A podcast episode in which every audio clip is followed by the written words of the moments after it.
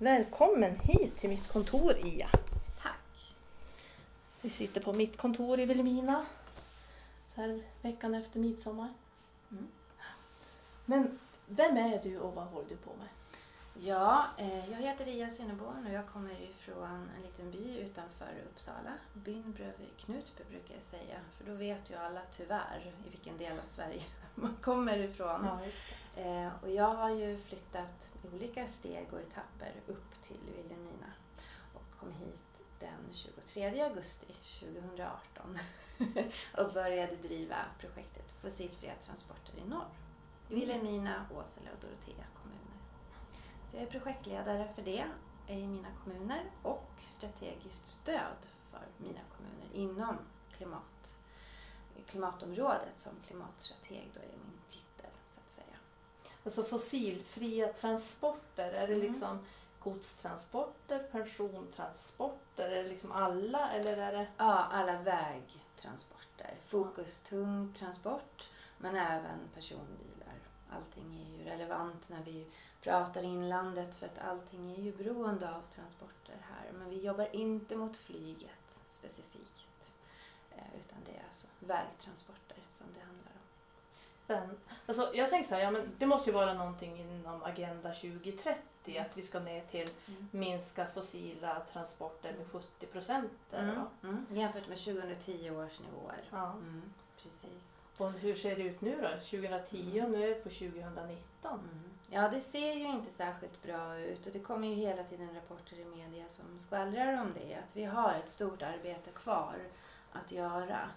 Och vi behöver skärpa vår lagstiftning och vi behöver ändra vårt beteende för att nå de här målen. Och just nu så kommer vi nog få tufft att klara av dem. Samtidigt som vi ser konsekvenserna av klimatförändringarna. Och samtidigt som diskussionerna om de finns och vad de kan bero på, är de människopåverkade, också pågår.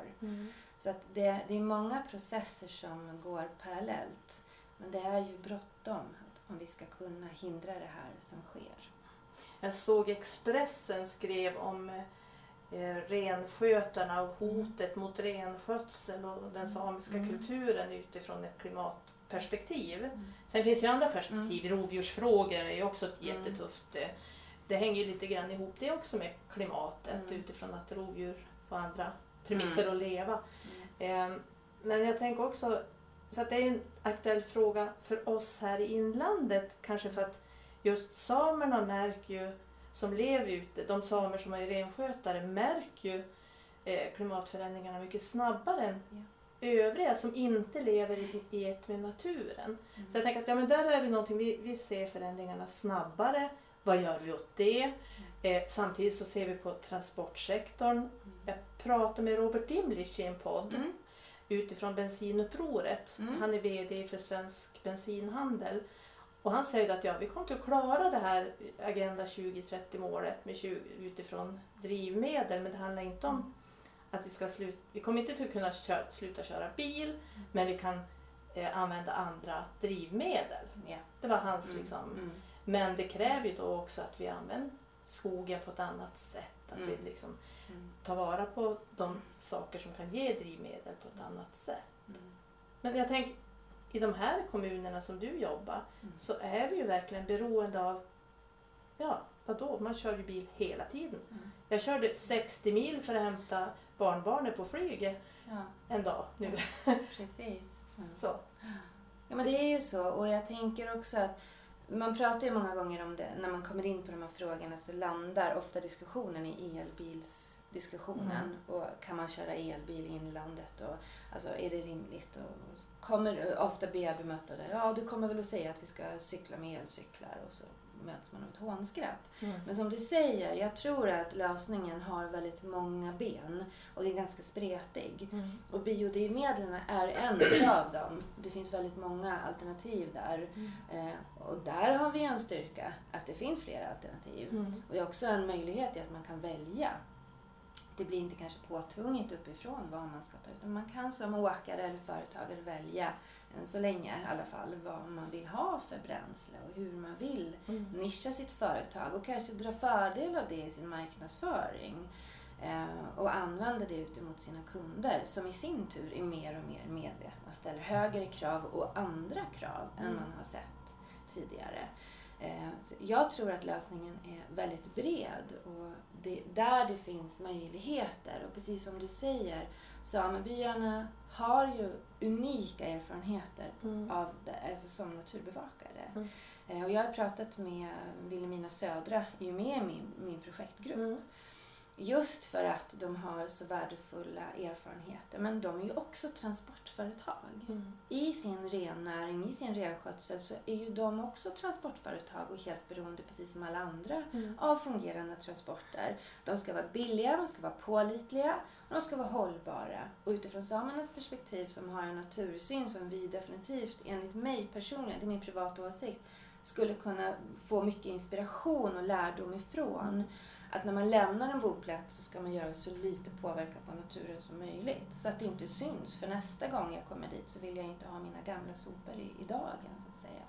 Det är ett synsätt som jag tror att vi skulle kunna ha, ha med oss och ha mycket lärdom av när vi planerar för våra framtida förändringar i Mm. processen. Så att jag tror att det är en, det är en, väldigt, det är en komplex fråga. Oerhört komplex och den drabbar alla. Eh, Men lösningarna är också komplexa. Mm. Och det finns en mångfald av möjligheter i det här. Det är kanske också så att man måste, man måste bena ut fisken Mm. liksom. Ja. Och inte se Mm. hela fisken av eh, transporter hur vi ska kunna minska Mm. till med 70 procent för då blir det liksom för mycket att bita i sig. Mm. Eh, jag tänkte vi hade en fråga på eh, fastighetsbolaget och bostadsbolaget hade möte förra veckan Mm. och där var det en punkt på dagordningen handla om laddstolpar. Mm. Och det är ju för att det finns, det kom hyresgäster som har köpt elbil. Ja. Och, eh, och det är ju fantastiskt att Mm. det kom liksom ifrån eh, det hållet att Mm. ja men nu har jag köpt en elbil, jag, behöv, jag, vill, jag ska byta boende, jag ska flytta in här, jag behöver en ladd, möjlighet att ladda. Och då som bostadsbolag har man inte liksom, oj då, Mm. nu, vad gör vi nu? Eh, det är klart att det här kommer till att komma. För man måste ju kunna få kunna köra elbil även om man bor i en lägenhet. Precis. Inte bara om man bor i villa. Så att, och det är ju ett litet steg, det är ju ett ben i den här fisken. Mm. Medans, eh, jag tänker på transporter av gods till exempel. Hur gör vi där? Och där har vi ju bekymmer nu med bussgods, att bussgodsbolagen i de andra länen eh, lägger ner. Vi har bussgods kvar i Västerbotten. Det är klimatsmart för vi använder både person och gods i samma, samma eh, fordon. Men hur ska vi kunna behålla det? och ändå vara, inte liksom förmera transporter. Mm. Alltså, Mm. Och där är det ju många diskussioner som pågår när vi pratar om de här frågorna så är det ju energi vi egentligen pratar om i stort. Mm. Vi pratar ju om till exempel uppvärmning av våra bostäder, råvaror, skogsråvaran till exempel. Vad är klokast att göra av den? Ska vi, behöver vi komma i den situationen att vi behöver göra ett val att uppvärma våra bostäder eller driva våra bilar? Mm. Eh, Så här är det ju, diskussionen handlar ju om så mycket mer än köra elbil eller ej, använda HVO eller ej. Det handlar ju också om att hitta de här eh, ekonomiska alternativen. Som, HVO vet jag. Det används ju i kollektivtrafiken i städer vid Mm. kusten till exempel. Men att, och större transportföretag använder också HVO som en Mm. blanda in i sina... HVO är alltså ett bränsle gjort av Mm, ja, man, diverse. diverse, diverse kompost Ja. kan vi säga. Eh, Men att det är också en bristvara. Mm.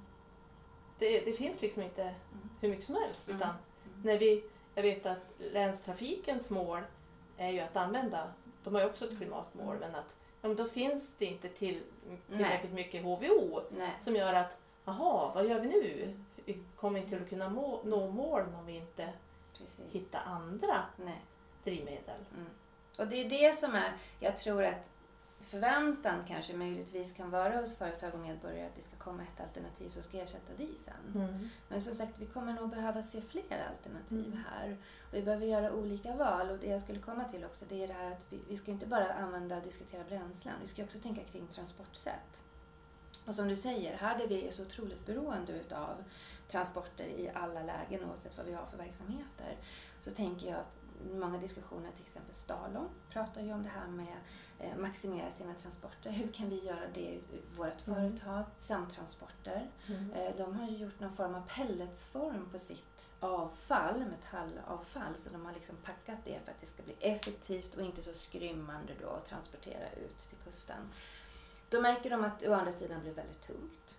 Så att man kan inte kanske lasta lastbilen helt full då. Och låt säga att du kanske får en, ett mellanrum upp till tak på en meter eller Mm. vad det nu kan vara. Ja, men då kanske någon annan har någonting som inte väger någonting som är skrymmande. Alltså man får tänka så här, hur Mm. utnyttjar vi det här? Vad finns det för möjligheter i det här?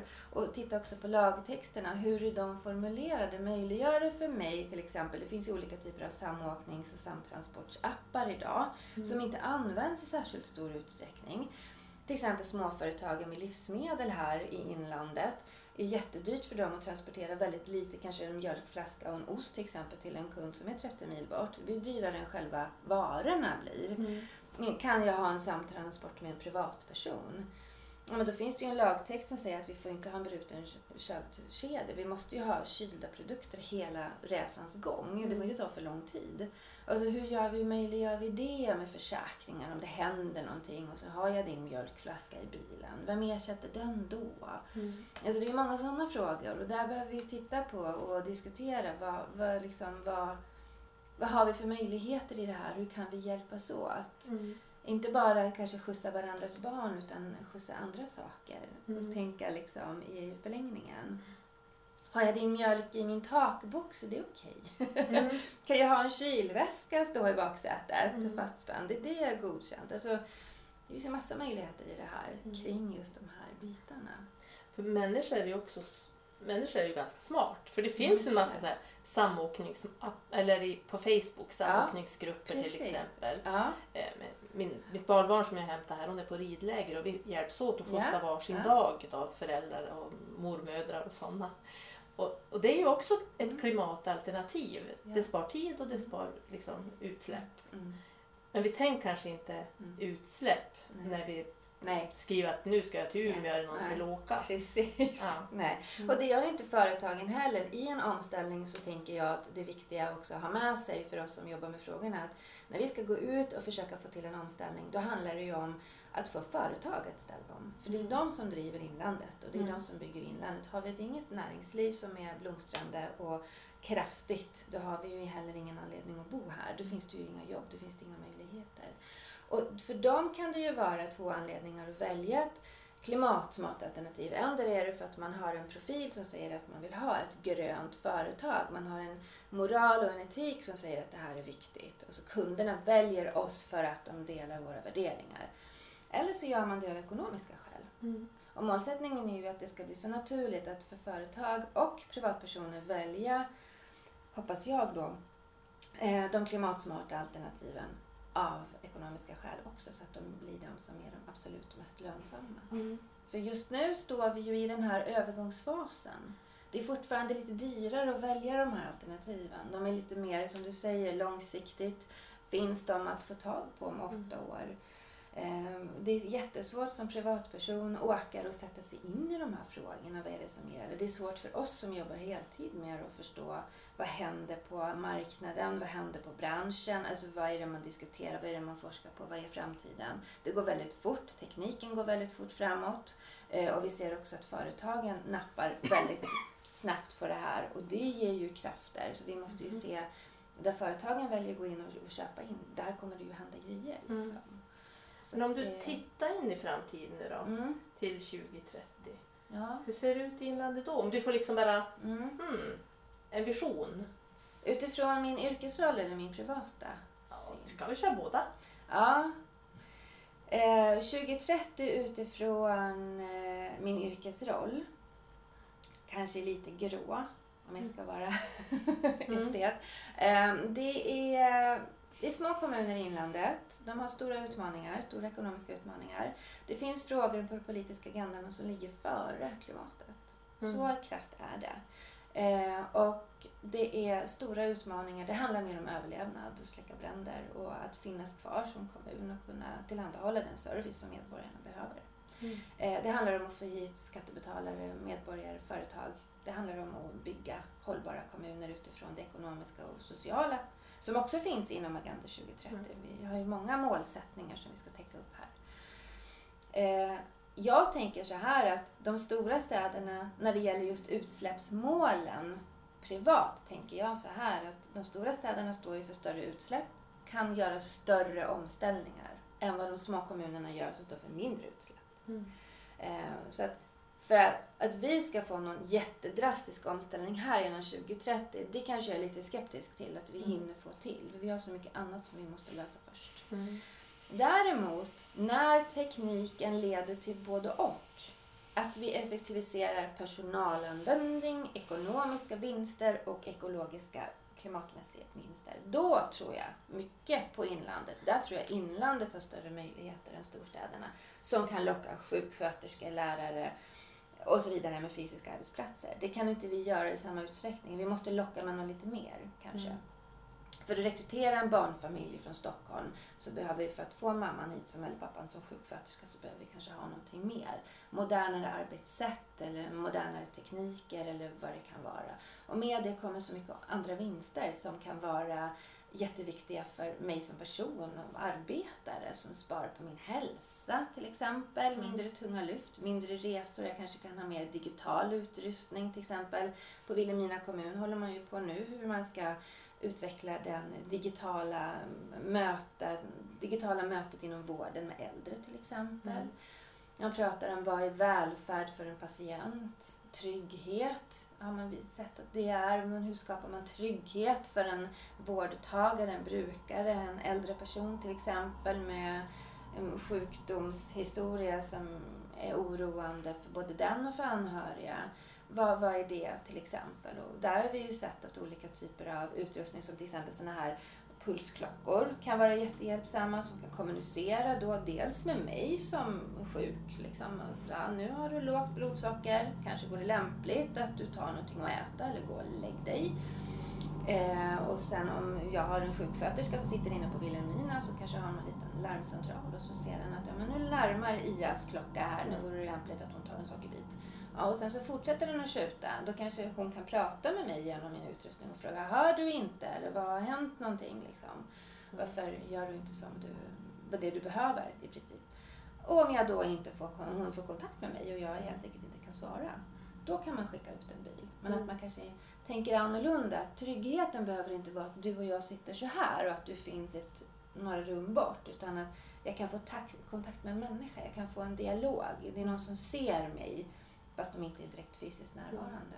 Där tror jag det finns massa möjligheter och där tror jag inlandet kommer att ligga långt fram. För vi behöver den tekniken mm. för att överleva. Ja, jag brukar säga det att inlandet är egentligen de som ligger före för att vi är ja. tvungna att hitta lösningarna för att vi är redan i ett sånt utsatt läge. Ja. Och då, som en, mänskligheten mm. är ju innovativ, mm. då hittar man en lösning. Och det mm. tänker jag så är det ju också på klimatområdet när det gäller liksom fossilfria transporter. Mm. Människor hittar en lösning. Sen kan jag tänka så att ja, men vi är kanske inte i det där kritiska utsatta läget när, när jag tar min bil ifrån eh, Bergbacka ner till kommunhuset eller vart jag nu jobbar. Mm. Inne i Vilhelmina samhälle likväl som i många andra små samhällen yeah. behöver ju inte människor egentligen köra bil lokalt. Mm. Förutom om man ska handla eller så. Men vi gör ju det för att vi kan. Mm. Men den dagen där det verkligen det, det, blir, ja, men ska jag verkligen? Man står i någon sorts val. Mm. Ja, men då kanske jag tar min cykel eller mm. promenerar till jobbet eller yeah. så. Mm. Eh, men idag så kan vi fortfarande mm. ta bilen. Mm. Och vi kan hyra en elstolpe och vi kan ha Precis. motorvärmare ja. på på vintern och så. Men jag, jag, tror ju också att det kommer till att bli eh, svårare att göra det valet. Mm. Och lättare att göra valet att hitta ett annat alternativ mm. eh, i framtiden. Mm. För att på något sätt så, så kan vi fortfarande använda bilen mer än vad vi kanske egentligen skulle behöva. Absolut. Inte alla. Nej. En del är ju verkligen, verkligen, verkligen beroende av sin bil. Men, men många är det inte. Mm. Eh, men vi är van det. Mm. Ja. Men jag, jag tänkte också på det här med du pratade om eh, det här med tekniken inom vården. Och Glesbygdsmedicinskt centrum ligger Mm, före mm, där. Och mm. De lär ju av Kanada och de lär av Australien och, och så. Men inom transportområdet, vilka föregångare har vi där? Vi tittar, inom projektet så tittar vi på det som har gjorts i Sverige. Och, alltså många andra kommuner som har gjort sitt omställningsarbete redan eller som har kommit igång med det i alla fall. Det här pågår ju, det pågår ju i hela Sverige, det är ju inte bara här uppe i våra kommuner. Eh, och där finns det ju många förebilder och många föregångare och det finns också företag som har tagit det här väldigt långt eh, och som har nischat sig och som har bestämt sig tidigt att vi ska ställa om. Så det finns många olika förebilder som är väldigt viktiga. Polarbröd är ju en aktör som har varit stor. Det finns flera kommuner som har eh, gjort den här typen av omställningsarbete söderöver. Eh, och det pågår ju också väldigt mycket arbete i Norrland. Eh, ut mot kusten och så vidare. Det som är unikt kanske just för våra kommuner det är ju lite grann skulle jag vilja säga, det geografis geografiska läget och de utmaningar som det för med sig för företagen här att ha en trygghet i sina transporter i snöstormar, lita på att varorna kommer dit de ska. Och ofta är det ju så att kusten har ju lite andra förutsättningar Mhm. där när det gäller infrastrukturen. Vi har ju ett annat läge här. Eh, och jag kan väl tycka att det kan vara en utmaning att kommunicera små kommuner från södra Sverige som goda exempel i Norrland. Därför att även om de är små vi kan känna igen oss storleksmässigt så 30 mil där är inte samma sak som 30 mil här. Mhm. Alltså det, så är det bara. Och det gör ju att det blir en annat läge för företagen. Alltså det är utifrån dem som jag tänker väldigt mycket är, det handlar om i det här. När det blir naturligt för dem att ställa om och välja andra bränslen eller andra typer av fordon, då kommer resten av samhället att följa med automatiskt. Mm. Det är de som är liksom själva pudelns kärna i det här. Eh, Och där har jag en utmaning som i mitt projekt att hitta de här... Det här är ju ett samverkansprojekt. Alltså, vi har ju våra utsläppsmålsättningar, 2030-målen. Visst, vi har dem, men vi har ju också eh, målsättningar att skapa samverkan. Jag tror ju att det är genom samverkan och samarbeten som vi kommer att nå vårt sätt att göra det i inlandet. Mm. Och varje kommun, tanken är ju i mitt projekt att varje kommun ska göra en handlingsplan och ta fram en, en tanke kring hur ska vi göra den här omställningen och hur ska den se ut just på Vilhelmina tätort och i våran kommun med besöksnäringen och så här. Och jag tänker att det, det, det är ju jättebra, för det gör ju att varje kommun kan bestämma väldigt mycket själv. Men vi ser ju också att resurserna finns ju heller inte och det är väl en av de hinder som jag, jag identifierar att de mindre kommunerna i inlandet har så tufft läge så de har inte tid att sätta sig ner Mm. och ta och skriva fram en till pappersprodukt. Det är klart att den är jätteviktig att ha. Den är jätteviktig och i arbetet att visa färdriktningen, att dit ska vi. Och de politiska målsättningarna behöver ju vara, vara tydliga och, och tydligt visa vilket håll vi ska åt. Men att, att förvänta sig av kommunerna i, i det här läget att de ska kunna göra den produkten, det, det tror jag är en utmaning. Jag, Mm. jag tycker inte att det är, det är inte rätt väg fram, tror jag personligen. Därför att jag tror att i samverkan däremot, där kan vi tillsammans i samtal med företag, åkerier, besöksnäringen, samebyarna. Vad, vad, vad tänker vi? Hur vill vi ha det? Hur gör vi det på vårt sätt? Mm. Vi måste göra det på Vilhelminas sätt, på Åseles sätt, Doroteas sätt. Och, och hur vill vi ha det? Vill vi ha biobränslen? Vill vi ha pumpstationer? Men var vill vi ha dem då? Mm. Sen blir det ju min roll att försöka få tag på aktörer som kan ta hit bränslet. Mm. Eh, och det tänker jag att det är det unika och den stora möjligheten i det här projektet och i den här processen som omställningen innebär. Att var och en kan göra ett individuellt val, varje kommun. Och till och med företag kan ju välja att dra hit en HVO-station och någon kan köra på MRE och så vidare. Det, det finns mycket möjligheter. Men det är ingen myndighet eller någon som kan säga att det här alternativet ska vi köra på, det här är det som funkar och det kommer funka de nästa 70 åren. Utan vi är så vana att tänka diesel och bensin tror jag. Och att det kan man använda till allt och det funkar och det är pålitligt och ja, jättefint så. Jag tror inte framtiden kommer se ut så. Jag tror att framtiden kommer att vara en otroligt spretande mångfald av lösningar. Mm. allt ifrån drönarflygplan till vad det nu kan vara, alltså solcell på, på cykel. Det finns massa olika typer av transportsätt. Och en del av tekniken som vi kommer att luta oss på om tre, fyra år, den tror inte jag att vi har sett än. Mm. Har alla kommuner skrivit på Agenda 2030? Ambitionerna? I länet eller i... I, I Västerbotten, de här som... alltså när det gäller mitt projekt så är ju alla kommuner med. Ja. Ja, och de har ju gått med i projektet och har ju för avsikt att göra Mm. arbetet. Absolut, det Mm. har man. Eh, sen är det ju utifrån allas förutsättningar. Mm. För jag tänker också som offentliga aktörer kan ju ställa krav Mm. i upphandlingar Mm. av transporter och, och sina egna, ja, men hemtjänst och Mm. eh, VA. Där man behöver fordon och behöver transporter kan man ju faktiskt tänka till lite extra Ja. också för de egna, Mm. där man själv ändå kan styra över. Precis. Och upphandlingar är ju ett jätteviktigt verktyg. Och det är väldigt viktigt att komma in där Mm. och vara tydlig var det finns möjligheter. Så det diskuterar vi också hur vi kan stötta upp och hur vi kan, för det är ju så att kommunerna har ju de har ju sina egna strategier och planer som tas fram lokalt Mm. utifrån de politiska visionerna som gäller där. Sen finns det också länstäckande dokument som det här studsar upp mot så att säga. Och vi pratar mycket i projektet hur vi kan hjälpa kommunerna med våra resurser att göra den, den bästa möjliga situationen av den här utmaningen eh, och ställa om. Så att det finns ju många, många saker som man kan liksom ge extra uppmärksamhet. Upphandlingar är ju en. När det Mm. gäller bränslen och biobränslen och kunskap kring det är ju en annan.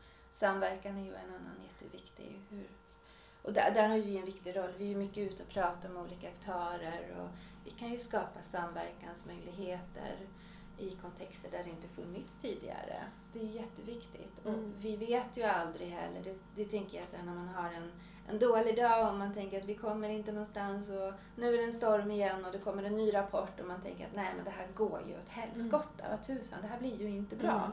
Och då tänker jag så här, nej, men det kom faktiskt fram en tjej på gatan och frågade om det var jag som klimatstrategen på Instagram och gav mig en kram och sa bra jobbat. Det var hon och jag, men det var hon och jag och jag vet ju inte vem hon är om 20 år. Nej, Jag vet ju inte vad Greta är om 20 år. nej. Jag har ju ingen aning om vad det här mötet leder till eller Mm. någon som lyssnar på den här podden, vad det leder till. Mm. Någon som sitter och är arbetssökande idag och känner en frustration att nej, det här livet funkar inte för mig. Och så kanske bara, ja men vänta nu, inom den där tekniken som Mia pratar om, där kanske jag med min kunskap kan starta ett företag, Mm. skapa arbetstillfällen, göra inlandet alltså konkurrenskraftigt. Mm. Jag kan dra hit ett teknikt starkt företag från Stockholm eller från London eller från, som du säger, från Australien och alltså länder Mm. som har erfarenhet av extremt väder redan, som har många lösningar på det här. Mm.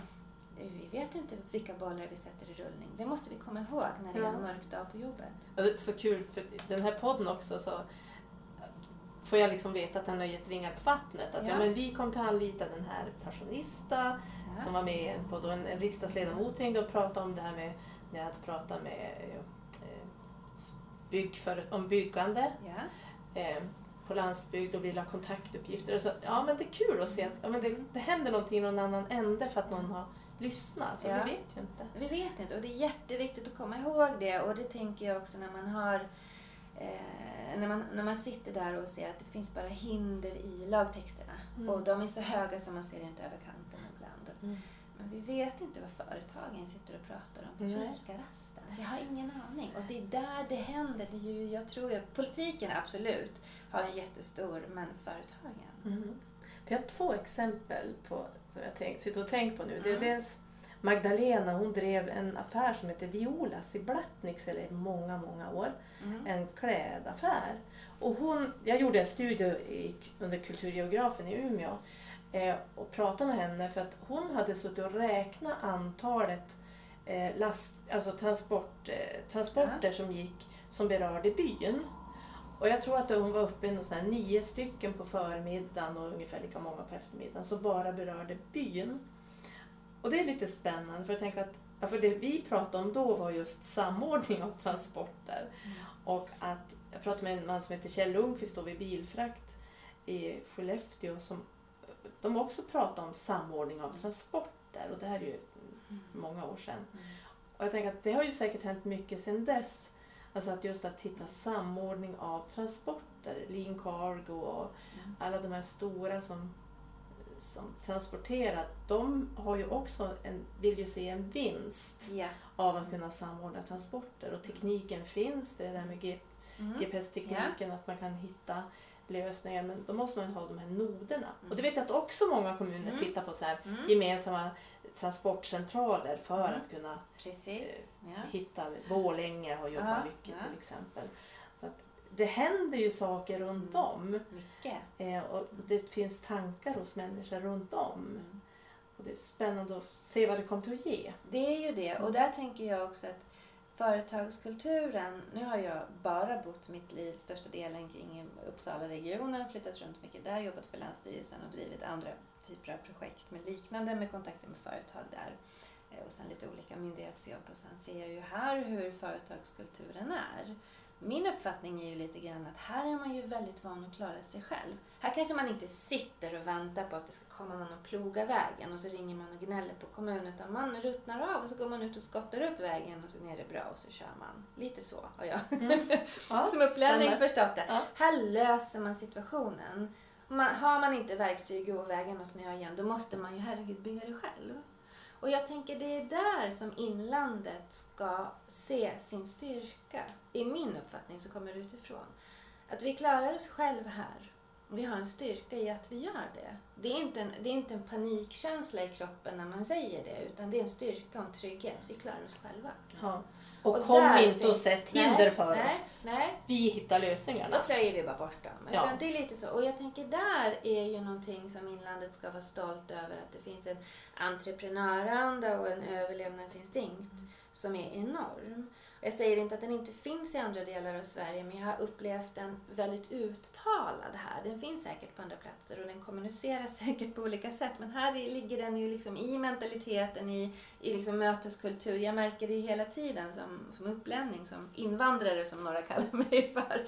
Eh, och jag tror att det är en unik styrka. Och jag tänker, där finns ju en del av min privata, då, om vi ska komma till det, min privata önskan för 2030. Hur inlandet ser ut då. För jag menar, min önskan och min vision är ju, och min tro, jag är ju positiv, är ju att här finns det ju 20-30 företag som är teknikstarka, innovativa, ligger långt fram, som jobbar med resten av världen, som tar inspiration ifrån Kanada och jag menar, vi har elskotrar och vi, bara för att det är bättre för oss. Det är bättre för rennäringen, det är bättre för vår miljö, det är bättre för fjällräven och alla vi mår bättre utav det. Eh, men vi har också framförallt tekniken, den digitala tekniken 2030. Hoppas jag, det måste vi ha. För vi vill bo kvar här allihopa. Vi fortsätter jobba med det vi gör. Då måste vi ha en digital teknik så att jag kan jobba för ett stort företag i Stockholm. Men jag har aldrig varit där. Jag behöver aldrig någonsin sätta min fot där. För jag är med digitalt på julfesten och säger god jul. och sen umgås jag med resten av människorna i byn där jag bor. Mm. Men jag behöver aldrig resa för att vara närvarande. Idag har vi ju den förväntan att är man anställd på en arbetsplats då ska man synas. Syns man inte då gör man inte det man ska. Då blir det liksom en misstro på något vis att man inte är produktiv. Det måste vi bort ifrån. Vi måste fokusera på slutresultatet och se möjligheterna i kompetensen i våra medarbetare. Och sen strunta i att vi aldrig har träffats. Varför ska vi behöva göra det? Vi har massa vinster på att aldrig behöva träffas. Vi får inte vinterkräksjuka av varandras barnbarn.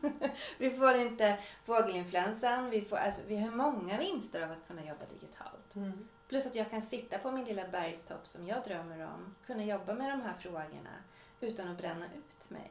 Därför att det tar jättemycket energi att jobba med sånt som man verkligen älskar och brinner för. Det här är inget frivilligt för mig. Det gör ont när man är engagerad och jobbar med någonting. Att slåss för någonting och veta att jag kommer inte att se resultatet. Det är klart att det gör ont i ens hjärta och själ. Det här är ju en hjärtefråga för mig. Då är det jätteviktigt att jag tänker hållbart i mitt privata liv. Min privata 2030-agenda. Och för att inte jag ska jobba ihjäl mig så måste jag ha en balans i mitt privata liv också. Och då är det jätteviktigt att inte behöva resa jättemånga timmar. Fram och tillbaka, flyga hit och dit som många behöver göra. Alltså, jag ska orka arbeta. Så att kopplar ur mig min dator och sen på 30 sekunder är jag ute vid någon liten fjällbacke och sitter och dricker min tekopp eller fiskar eller ute och vandrar eller vad det nu kan vara.